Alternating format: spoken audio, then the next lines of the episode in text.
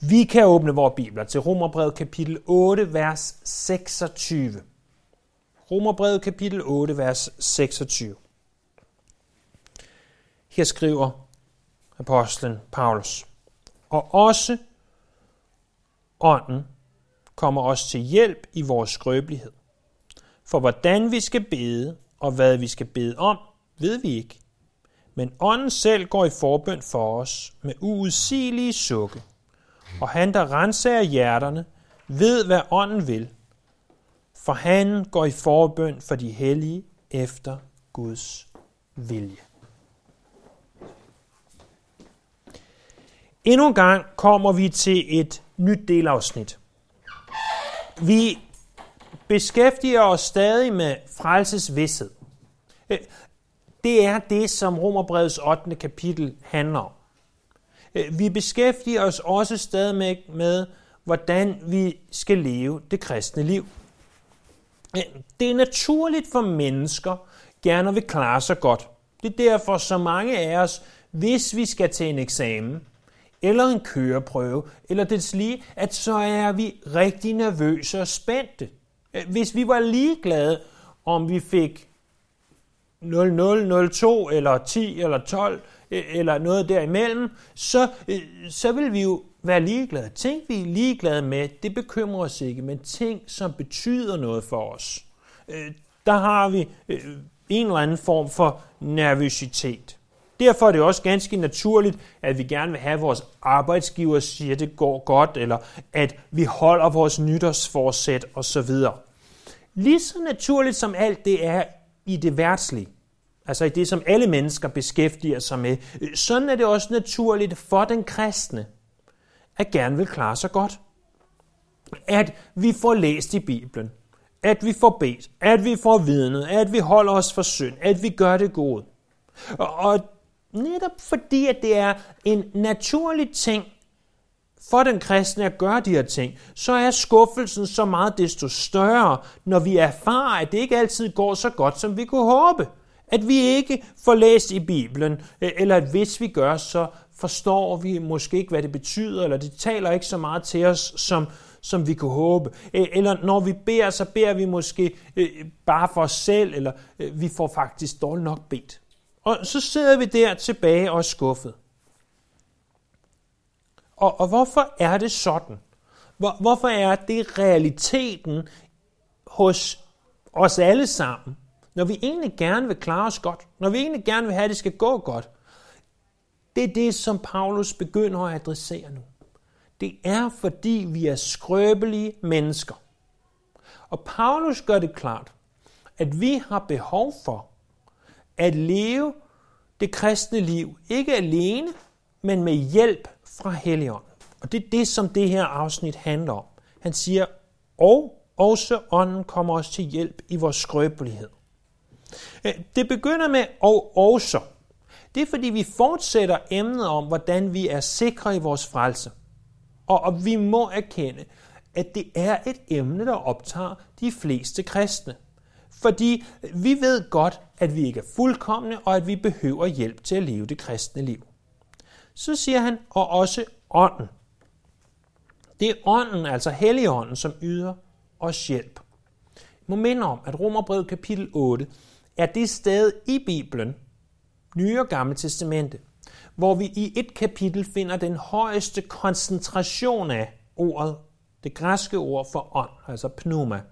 Det er der, det fremkommer flest gange. Hele 21 gange kan man læse ordet på den ene eller den anden måde i kapitlet. Det er ikke hver gang, det refererer til Helligånden, nogle gange refererer det til vores egen ånd, men det er den højeste koncentration af ordet ånd. Til sammenligning, anden pladsen går til 1. Korintherbrev kapitel 12, som taler om åndens gaver. Øh, her øh, fremkommer ordet markant flere, færre gange, næsten kun halvt så mange gange. Da Jesus han var på jorden, så hjalp han jo mennesker. Han hjalp mange mennesker. Han hjalp dem med at give dem mad, han hjalp dem med at helbrede dem, han hjalp dem vigtigst af alt ved at lære dem om Guds rige. Og så skal han væk, og så siger han, jeg vil bede faderen, og han vil give jer en anden talsmand, en anden, der hjælper jer. Og den anden, der hjælper, det er ånden. Åndens primære opgave er at applicere frelsen. Hvad betyder det? Det er at sørge for, at du bliver frelst. Det er hans vigtigste opgave. Det er derfor, vi siger, at vi skal være født på ny. Vi skal være født af ånden, af vandet og af ånden. Altså vi skal være født af ordet, og vi skal renses, og vi skal fødes af ånden. Vi skal renses, vi skal omvendes, vi skal fødes af ånden, vi skal fødes på ny. Det er hans primære opgave. Men der er en anden opgave, som står næsten lige med. Det er at hjælpe os, efter vi er frelst, med at leve det kristne liv. Og det er det næste, der står. Han kommer os til hjælp. Og også os, og også ånden kommer os til hjælp i vores skrøbelighed. Det første, jeg gerne vil have, du bemærker her, det er, at der står ordet os. Paulus taler om sig selv. Han inkluderer ganske simpelt sig selv. Og vi, vi bør jo aldrig finde trøst i, at andre fejler. Det kan godt være, at jer, der interesserer for fodbold, I finder trøst i, når de andre de laver selvmål og brænder straffe og hvad der ellers sker. Men vi bør aldrig finde trøst i, at andre fejler. Men jeg bliver nødt til at bekende, at her der finder jeg trøst i, at den anden fejler. For det skal ikke være nogen hemmelighed, at Paulus er øh, en af mine helt store helte. Øh, prøv at tænke på det. Han har skrevet 13 af Nye Testamentets 27 bøger. Han bragte evangeliet til Europa. Han offrede sit liv for evangeliet. Han var en mægtig teolog, og, og vigtigst af alt, så er han den, i hvem Gud har givet os den klareste fremstilling af, hvad evangeliet er for en størrelse. Han levede det her bemærkelsesværdige liv. Og jeg kan ikke andet end ønske, at jeg må være blot en, en brøkdel så effektiv for Gud, som han var. Og det ved jeg godt, at det vil jeg ikke engang nogensinde opnå. Og alligevel så erkender og bekender han, at ånden er os til hjælp. Han siger, jeg kunne aldrig have gjort det her i mig selv. Jeg ved godt, at jeg øh, måske, siger Paulus, er givet et godt hoved. At jeg er givet en god arbejdsmoral og evner. Men jeg vil aldrig kunne have bragt evangeliet til Lille Asien. Jeg vil aldrig kunne have bragt evangeliet til Europa, hvis ikke ånden havde hjulpet mig. Han kommer også til hjælp. Så er der selve det her ord hjælp. På græs, der gør man rigtig tit det, som vi faktisk også tit gør på dansk, men det er, at man tager to ord, der betyder noget, og så sætter man dem sammen, og så bliver det egentlig lidt til et nyt ord. Øh, her der har man ikke bare taget to ord, der har man taget tre ord. Og de tre ord, det er først ordet for sammen, og så er det ordet for modsat, og så er det ordet for at tage øh, eller bære noget. Og det betyder, at hvis vi skal forstå det her græske relativt lange ord, det vil være rigtig godt i Scrabble, det er øh, 15 bogstaver langt eller noget i den stil, øh, så, så vil ordet betyde noget i retning af, at du forestiller dig, at der kommer en, som er, kommer sammen med dig, som stiller dig modsat dig, og er med til at bære en eller anden form for byrde. Så du prøver selv der at bære på sofaen, eller bordpladen, eller hvad det er, men så kommer der en og stiller sig modsat for dig, og tager fat i sofaen i den anden ende, og hjælper dig med at bære den. Det, det er det, ordet betyder. Ordet eksisterer et andet sted i det nye testamente, og det er et ganske interessant sted. Prøv en gang at se i Lukas evangeliet kapitel 10.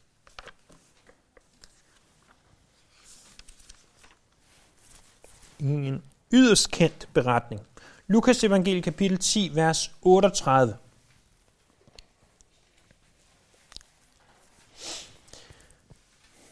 Jeg skriver Lukas. Mens de var på vandring, kom Jesus engang ind i en landsby, og en kvinde ved navn Martha tog imod ham. Han havde en søster, som hed Maria.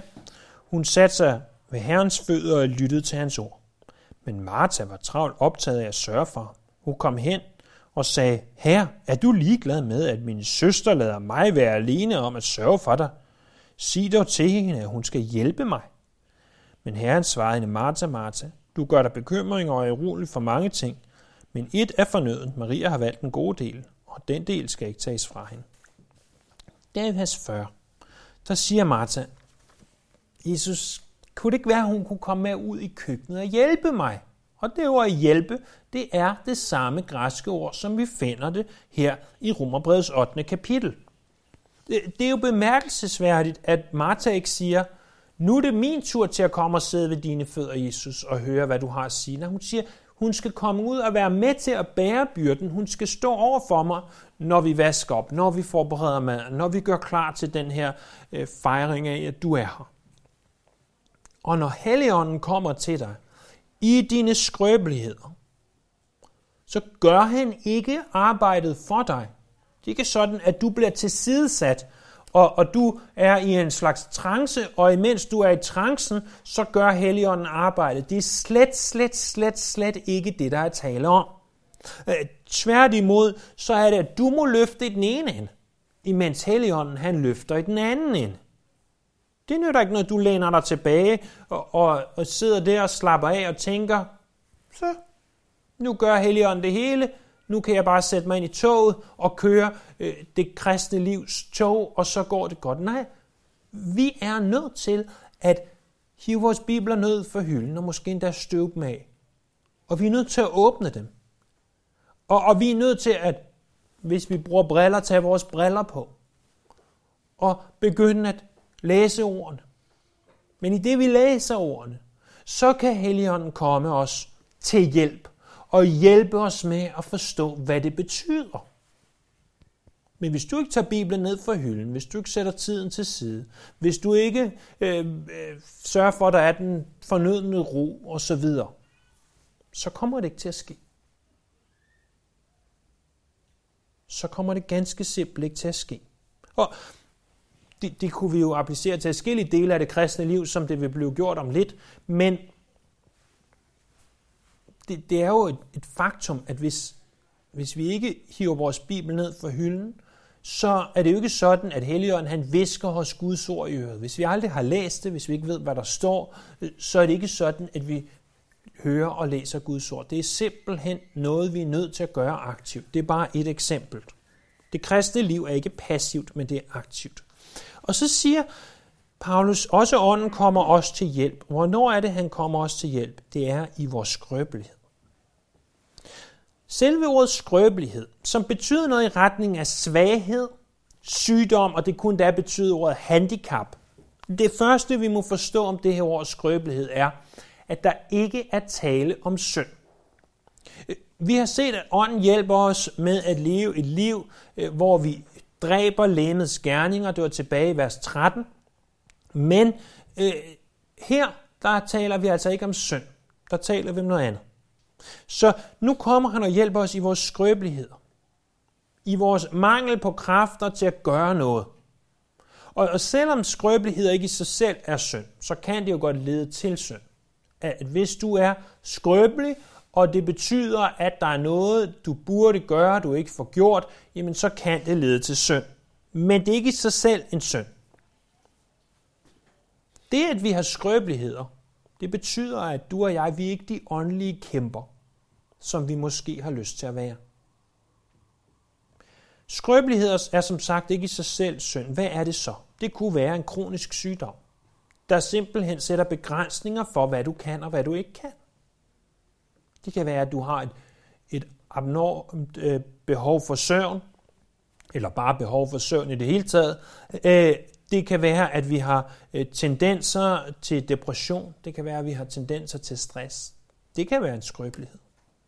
Og, og selvom fysiske begrænsninger, det kan være skrøbelighed, det, det er der ingen tvivl om, det kan, så er vores største udfordring det, der foregår i vores tanker og i vores sind. Vi må erkende, at vi ikke alle sammen er givet den samme forstand. Og jeg synes nogle gange, at jeg kan læse et afsnit i Bibelen afsindig mange gange, eller en bog for den sags skyld, afsindig mange gange, og ikke forstå ordentligt, hvad det er, der står. Og jeg føler, at andre, de kan have læst det en, to gange. De har ikke måske da studeret Bibelen nær så meget, som jeg har, og de har en klar forståelse af det end mig. Det er fordi, at det kan være, at min forstand er skrøbelig. Der foregår måske for mange ting i mit hoved. Og jeg tænker måske ikke nok over det. Jeg, jeg ved det ikke, men det kan være en skrøbelighed. Det kan også være noget med vores hukommelse. Hvor fantastisk ville det ikke være, hvis alt vi læste, det bare stod klart for os. Tænk så, hvor mægtige vi kunne være for Guds rige, hvis det var tilfældet. Men sådan har jeg det i hvert fald langt fra. Og, og det er ikke fordi, at skrøbeligheder skal begrænses til det, jeg har sagt nu. Det er blot for at give jer nogle eksempler. Og jeg er sikker på, at hver af os har skrøbeligheder i vores liv, som gør, at nogle ting i det kristne liv kan være ganske svære at udleve. Og det betyder også, at du skal ikke tage de her ting. Du skal, du skal se på dig selv og sige, hvor er mine svagheder? Hvor er mine skrøbeligheder? Hvor er det, Herren må komme mig til hjælp ved Helligånden? Men der er altså deltid et sted, hvor vi alle er skrøbelige. Hvor vi alle har svært ved det. At det bliver klart, at selvom vi er frelste, så er vi stadig synder. Og det område, det er det område, som er bøn. Og det er det, som Paulus nu i det næste, han siger, vil bruge som en illustration på det, han lige har sagt. Han har sagt, at ånden kommer os til hjælp i vores skrøbelighed. Hvordan? Jamen det gør han blandt andet ved, at han hjælper os, når vi beder. Lad os prøve at se, hvad der står videre i vers 26. For hvordan vi skal bede og hvad vi skal bede om, ved vi ikke. Hvordan vi skal bede og hvad vi skal bede om, ved vi ikke. Det her giver os mildest talt noget af en oversættelsesmæssig udfordring. Mildest talt. Fordi hele udfordringen består i, at på dansk og engelsk og så videre, der har vi alle de her spørgeord.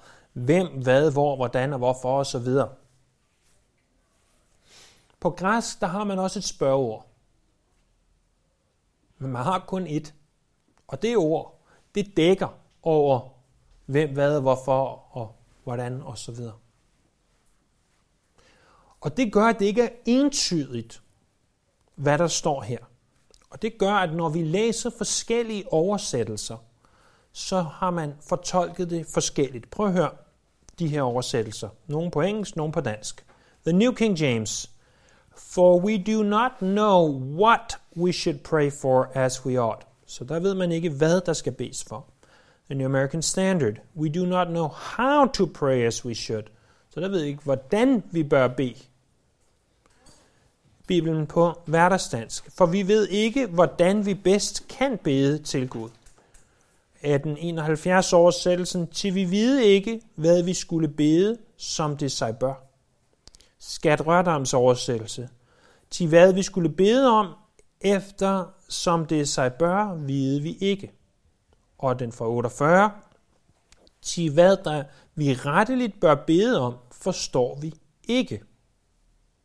Så, så vi har altså de her to versioner. Den ene er, hvad vi skal bede om, og den anden er, hvordan vi skal bede. I 92 oversættelsen, der har man valgt en helgardering. Prøv at høre igen. Ånden kommer til os i vores skrøbelighed. Hvordan vi skal bede, og hvad vi skal bede om, ved vi ikke. Der har man ganske simpelt valgt at helgardere sig og så sige, det, det kan åbenbart betyde begge ting, så vi oversætter det som begge ting. Og, og begge problemstillinger er jo rigtige. Mange af os ved ikke, hvordan vi skal bede, og vi ved heller ikke, hvad vi skal bede for. Så som Bibel udlægger, har ikke noget imod, at man ud af teksten kunne prædike om begge dele. Men som oversættelse kan teksten ikke betyde begge dele. Den må betyde en af delene i det her tilfælde. Og hvilken en af det så? De fleste oversættere vil sige, at det her det betyder, hvad vi skal bede for. Det ved vi ikke. Så vi sidder der, og, og en kommer til os og siger, jeg er øh, lige ved at dø, jeg er dødeligt syg. Vil du ikke bede for mig? Og så siger vi, jo, det, det, vil, det vil jeg da rigtig gerne. Men vi ved faktisk ikke helt, hvad vi skal bede for. Skal vi bede for, at den person snart får fred og kommer hjem til Herren? Eller skal vi bede for, at den person bliver helbredt? Eller skal vi bede for noget helt tredje? Vi, vi ved det ikke altid. Det kan faktisk være, være rigtig svært, for vi ved jo ikke altid, hvad der er, er Guds vilje for det her menneske. Og, og det er det, som, som teksten, tror jeg, primært fokuserer på, men lærer os også en hel del om bøn.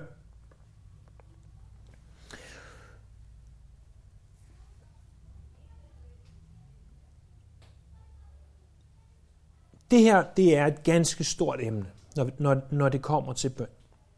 Og det vil jeg gerne gå videre med næste gang, i det vi fortsætter med vers 26 og 27. Men jeg vil gerne have, at i dag, der slutter vi i Gethsemane. Prøv at se Matthæus kapitel 26.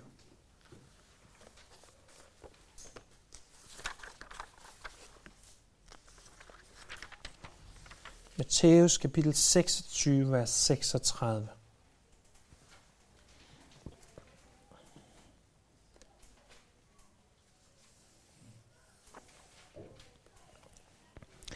Matthæus evangeliet, kapitel 26 og vers 36. Der kom Jesus med dem til et sted, der hedder Gethsemane. Og han sagde til disciplene, sæt jer her, mens jeg går derhen og beder. Så tog han Peter og de to Zebedeus sønner med sig, og han blev grebet af sorg og angst. Der sagde han til dem, min sjæl er fortvivlet til døden. Bliv her og våg sammen med mig og han gik lidt længere væk, så faldt, de, faldt han ned på sit ansigt og bad, min fader, hvis det er muligt, så lad dette bære gå mig forbi. Dog ikke som jeg vil, men som du vil. Han kom tilbage til sine disciple og finder eller fandt dem sovende, og han sagde til Peter, så kunne I da ikke våge blot en time sammen med mig. Våg og bed om ikke at falde i fristelse. Ånden er reddet, men kødet er skrøbeligt. Er der for anden gang gik han bort og bad.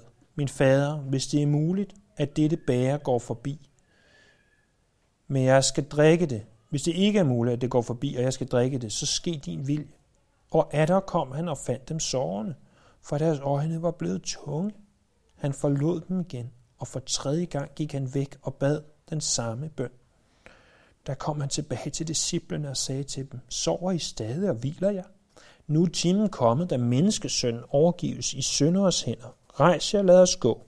Se, han, der forråder mig, er her allerede. Her befinder vi os på den helligste af alle nætter. Øh, øh, vi, vi befinder os på et tidspunkt, hvor at hvis Gud nogensinde havde behov for menneskers hjælp, Gud i kødet, så var det denne nat. Han siger til Peter, Jakob og Johannes, kom med herhen. Kan I ikke våge? Kan I ikke holde øje? Jeg beder ikke om at læse Bibelen lige nu. Jeg beder ikke engang først og fremmest om at bede. Jeg beder om en eneste ting. Hold jeres øjne åbne, og hold øje med, om der kommer nogen, så jeg kan få lov til at bede til min fader i fred og ro. Det er det eneste, han beder om.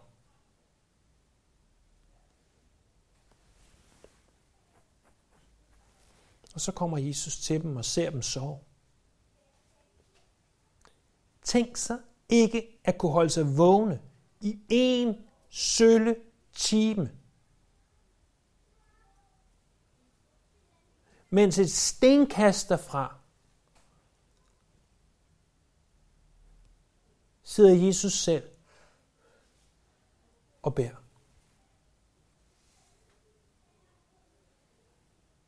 Det er skrøbelighed, venner. At du er så træt, at du er så udmattet, at det, som Jesus med sin mund beder dig om, at det kan du ikke gøre. Hvis nogensinde mennesker i deres eget kød kunne være motiveret for at gøre noget for Herren, så var det på det her tidspunkt. De har hørt ham øh, sige alt det, han sagde i, øh, ved påskemåltidet. De har set ham gøre alle miraklerne. De vidste, at der skulle til at ske noget. Og, og jeg tænker i min uvidenhed, at kom Jesus til mig og sagde, Daniel, våg i en time, at så vil jeg sidde der med øjnene så store som tekopper og våge. At intet kunne få mig til at falde i søvn, det tænker jeg om mig selv. Men når jeg ser Peter, når jeg ser Jakob, når jeg ser Johannes falde i søvn, ikke én gang, ikke to gange, men tre gange. Øh, når jeg hører Peter, Jakob og Johannes blive i rettesat af Jesus og sige, kunne I da ikke våge med mig? Bed om ikke at frælde fristelse. Ånden er villig, men kødet er skrøbeligt. Når jeg hører det, så vil jeg bilde mig selv ind, at så kunne jeg godt. Men når jeg forstår den her tekst, så må jeg erkende, at i mig, i mit kød, der kan jeg ikke. Der kan jeg ikke. Der har jeg ikke kræfterne til at våge for Herren blot en time.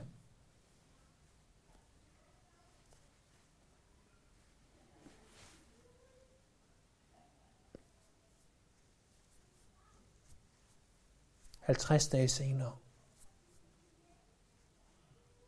Peter, som senere den samme nat fornægtede Jesus, rejser sig op, nu fyldt af Helligånden, og råber ud til folkeskaren med andre ord, omvend jer. Den Jesus, som I korsfæstede, har Gud gjort både, og så videre, og så videre, og så videre. Og, og man ser tusindvis af mennesker blive omvendt. Forskellen på Peter i Gethsemane og Peter på Pinsedag, det er, at nu løfter Peter ikke længere alene. Nu skal han ikke længere holde øjnene åbne alene. Nu løfter Helligånden sammen med ham og giver ham det, der skal til at være et effektivt vidne for Herren. Og jeg tror på, jeg tænker, at hvis vi er kristne, og det tror jeg på, at vi er, så vil vi have et ønske om at leve for Herren, og det vil nage os, at vi ikke beder, som vi bør bede. Vi siger, hvorfor gør jeg ikke? Hvorfor beder jeg ikke, som jeg, jeg bør bede, som jeg kunne bede, som jeg godt hører om nogen, der beder? Det er, fordi vi beder i egen kraft, og fordi vi ikke lader Helligånden komme til. Det er, fordi vi tror, vi kan våge alene. Vel kan vi da ej. Hvis Peter ikke kunne, hvis Jakob ikke kunne, hvis Johannes ikke kunne, de har gået sammen med Jesus hver dag i tre år. De har set ham gå på vandet. De har set ham forvandle brød, øh, øh eller skabe brød til 5.000 mænd plus kvinder og børn. De har set ham helbrede de syge, de lamme og opvække Lazarus fra de døde. De har set alt det. Hvis de ikke kunne, så kan jeg love dig, at så kan vi heller ikke. Vi har brug for, at ånden han hjælper. At han bærer i den ene side og hjælper os igennem.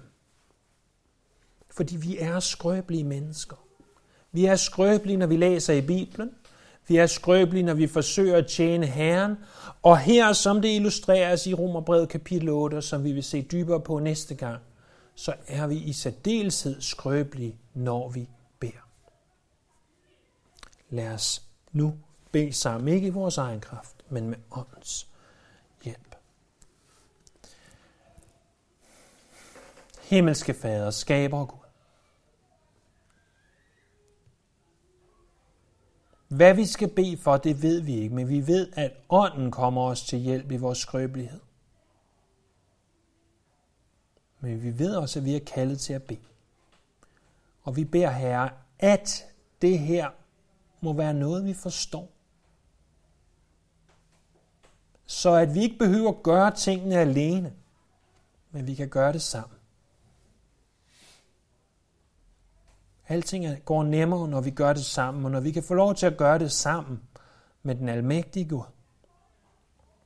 Hvilken forskel. Her for dem af os, der i dag føler os skrøbelige, så giv os håb. Og dem af os, der føler os selv tilstrækkelige, og tror, vi kan klare det hele, i rette sæt os her. Lad os se, at det kan vi ikke. At vi behøver dig. Og din ånd. Det er til din ære, det er til din pris, og det er til din hæder. Vi elsker dig, og vi ærer dig nu. Amen.